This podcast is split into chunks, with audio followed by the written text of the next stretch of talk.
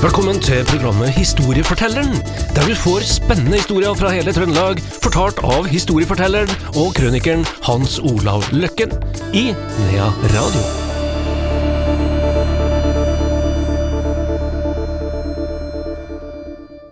Ja, da er vi her igjen, historiefortelleren Hans Olav Løkken og Andreas Reitan. Vi skal tilbake til 1941 i dag, Hans Olav. Og da eh, ringer det som vanlig noen bjeller, 40-45, og det handler om krigen. Ja, det er en eh, episode ute ved Roan. Det heter vel Nesvalen, eller Nesvallen. Eh, og vi skal til oktober i 41. Og eh, vi må tenke på at så sent som i oktober i 41, for å overdrive litt da, og sette det i gåseøyne, så var det ikke så veldig mange som visste at det var krig i Norge. Eller, det er jo selvfølgelig sagt med litt på spissen, men det var slik at, at uh, krig og, og, det som skjedde med den tyske okkupasjonen og sånn, den dreia seg om flyplasser og tettsenter, ikke sant. Så jeg vet ikke om du husker værmeldinga i, i, i Norge. Ja, vi skal vel ikke gå mer enn 10-20 år tilbake, men i hvert fall i all min oppvekst så var det sånn at de ulike geografiske områder i Norge ble benevnt på en litt annen måte i værmeldinga, så de sa ofte og i dalstråka innafor, sa de i værmeldinga før. Det var liksom, Da var du Det var der du bodde? det var der jeg bodde. Innafor fjellene og langt opp i dalene. Og, og, og, og, og Selbu, for eksempel, som er bare et steinkast fra Værnes, opplevde selvfølgelig krigen på en helt annen måte enn Værnes.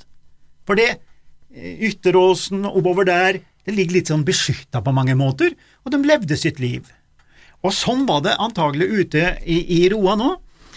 Litt sånn avsidesliggende plass, og har vel kanskje ikke opplevd så mye av skal vi si, krigens grusomheter, da. Alt gikk sin vante gang. Og i 41 Det her skjer altså da i oktober i 41, 6. oktober der, så har jo, husk på, ikke amerikanerne kommet med. Amerikanerne kom med i krigen, så det var en helt ny krig den 7. desember i 41.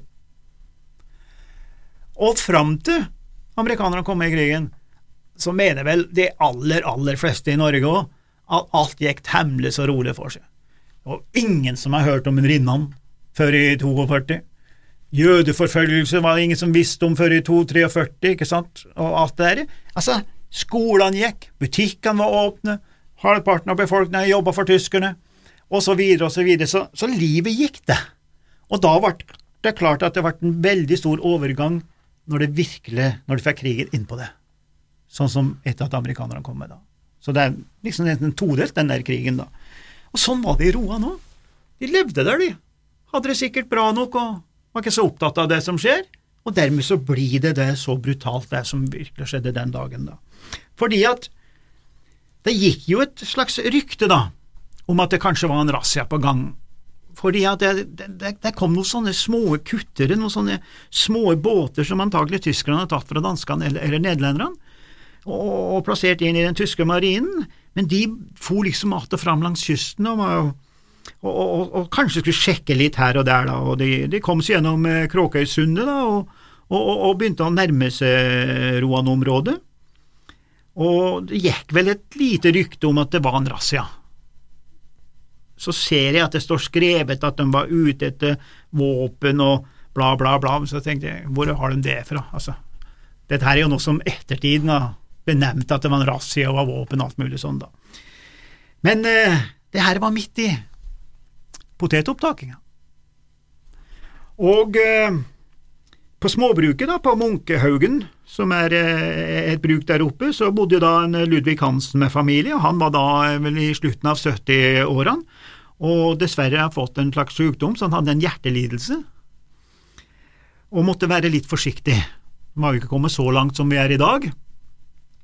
Så da tyskerne kom, så ville han liksom gjemme seg, så han eh, gikk inn på låven sin, og var der og gjemte seg, og da han trodde at den var ferdig og forlatt uh, bruket, så åpna han låvdøra, og står da midt i trynet på en tysk soldat i full utrustning. Og uh, det ble for stor påkjenning, sier da tradisjonsfortellinga, så han falt død om. Det er altså da en fortelling i familien, at han tålte ikke det der, da. Men razziaen den fortsatte, og de kommer til gården Ness, og der er det en Marius Ness eh, med kone og fire barn, to gutter og to jenter. To jenter er under skolealder, og de to guttene er også under konfirmasjonsalder. Og det er litt rart når jeg har lest denne fortellinga her, i hvert fall eh, når jeg begynte med det her for 15 år siden og leste første gangen, så, så var det litt rart at de to guttene var på skolen. For i potetopptaket ja, på, for 40-, og 50- og 60-tallet så fikk jo vel elevene mer eller mindre fri på skolen for å være med på, på gårdsbrukene. Og det var veldig mye folk som var med på potetopptaking når jeg var liten, husker jeg. Det var veldig mye folk. Men de var på skolen, etter som jeg forstår da, for eh, de ble da ikke vitner til det jeg skal fortelle nå, da. De ble, og ble holdt tilbake på en gård der borte. Han her er Marius Nest, han, eh, han var også poståpner, da, og drev den der lille gården eh, ved siden av, da.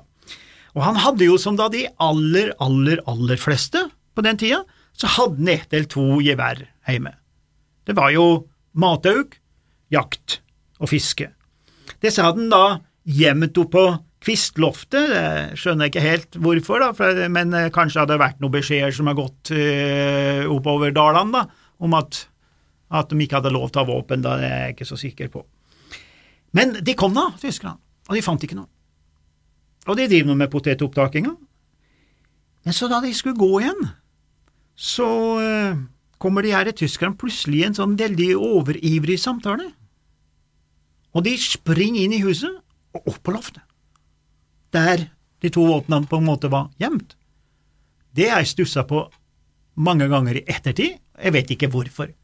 Hvorfor plutselig kom det med en samtale, og hvorfor fant de våpnene da? Det får være noen andre som finner ut av. Men kanskje merka han noe på han derre Marius òg? Kanskje prata med han, og så merka han kanskje at han var nervøs, fordi at han Marius han var så nervøs, han. At for han på en måte ble i gåsehudet arrestert, da.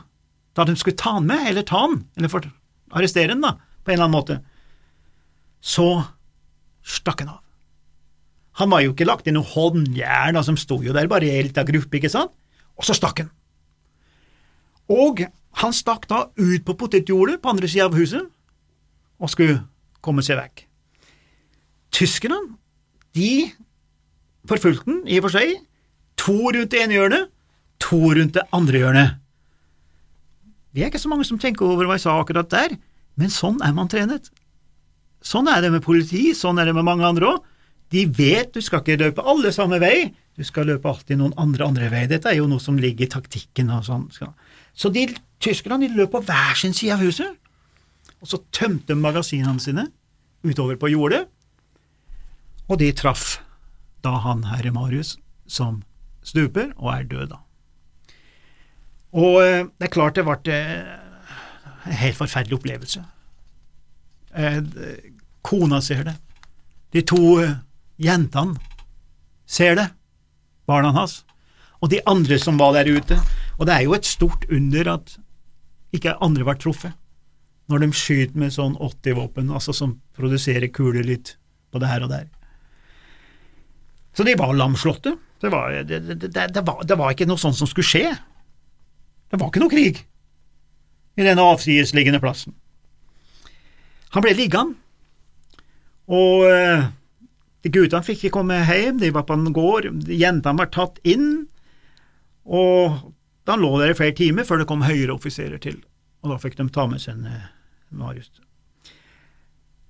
Og i dag så sitter ei kvinne på Røros. Hun heter Anny Aspås, og hun er en av de døtrene. De to jentene her de var jo da vel fire og et halvt og seks år gamle. Her. Og hun så altså at sin egen far ble skutt under flukt på sin hjemgård. Og jeg prata med henne flere ganger her, blant annet fått lov til å fortelle denne historien, og det hun sier til meg, og som hun huska, og som selvfølgelig aldri vil forsvinne fra, fra netthinna, det var at faren hadde ei hvit skjorte på seg, og den hadde blå striper, og så ser du at de stripene blir røde. Og eh, det er klart at for de her småjentene så ble jo det et dypt sår som aldri vil gro. Det var historiefortelleren i Nea Radio i dag. Takk til Hans Olav Løkken. Et eh, nytt program får du om ei uke.